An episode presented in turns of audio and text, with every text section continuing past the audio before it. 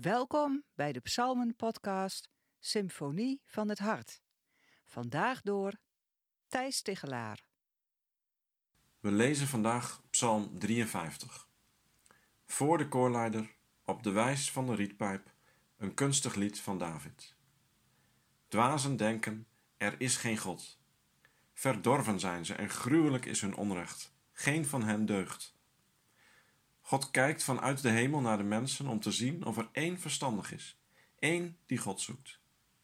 Allen zijn afgegleden, allen ontaard, geen van hen deugt, niet één. Hebben ze dan geen inzicht, die kwaadstichters?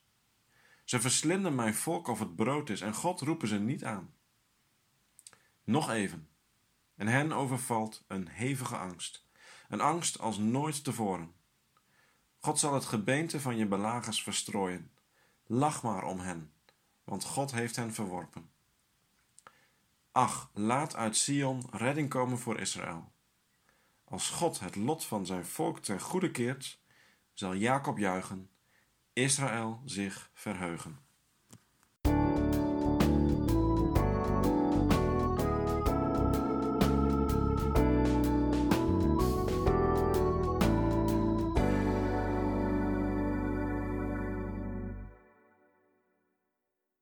Déjà vu. Alle begrip als je tijdens de schriftlezing een déjà vu beleefde. Want Psalm 53 lijkt wel een kopie van Psalm 14. Eigenlijk zie je alleen in vers 6 een duidelijk verschil. Verder zijn de woorden nagenoeg hetzelfde. Déjà vu. Ik denk dan onmiddellijk aan de déjà vu die David beleefde tijdens zijn vlucht voor Saul.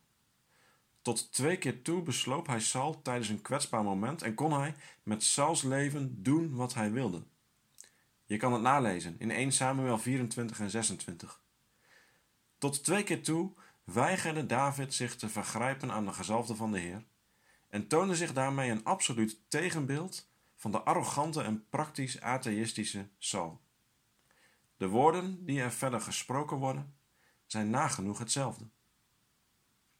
In de opschriften boven de psalmen 52 en 54, die samen met deze psalm 53 en ook psalm 55 een groepje vormen, lees je over de Edomiet Doeg en de inwoners van Zif. Wanneer kreeg David met deze personen te maken? Juist, tijdens zijn vlucht voor Saul. Psalm 53 is dus niet een lukrake herhaling van Psalm 14, waar Psalm 14 in een context stond van Gods ontferming voor de zwakken in het algemeen, daar staat Psalm 53 in een context waarvan we ons een zeer specifieke voorstelling kunnen maken, namelijk Davids vlucht voor Saul. Tijdens deze vlucht schuilt David fysiek in grotten en spelonken. Maar zijn gebeden gaan over God als de schuilplaats waarbij hij mag wegkruipen voor het onheil.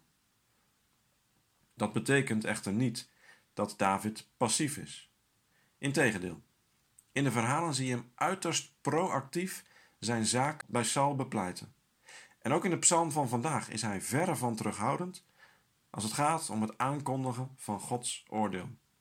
Hij loopt er niet op vooruit, want het oordeel is aan God, maar hij zwijgt er ook zeker niet over. Mogelijk verklaart dit de afwijkende bewoordingen van vers 6, want Psalm 53 is daar veel specifieker dan Psalm 14. David zegt daar: God zal het gebeente van je belagers verstrooien. De kunst is om niet alleen te spreken over het oordeel van God, maar om er ook naar te leven. Dat is schuilen bij God. Daar is ernst voor nodig, en wijsheid, en zelfonderzoek. In de context van Psalm 53, met alle associaties naar Davids vlucht, betekent het je handen schoonhouden hoe aanlokkelijk de verleiding ook is, om met één hou van je zwaard een definitieve rust voor jezelf te bewerkstelligen.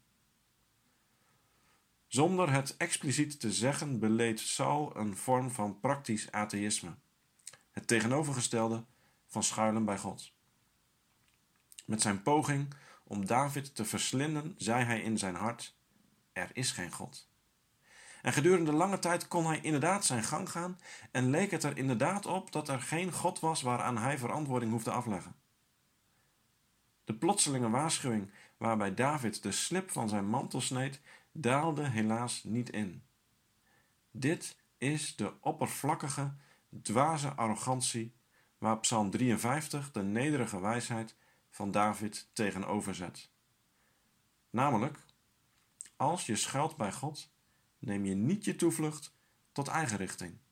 Zelfs al lijkt alles de andere kant op te wijzen, we moeten blijven vertrouwen op God. We weten wat er met Saul gebeurde. En we weten wat er met David gebeurde. God keerde alles om.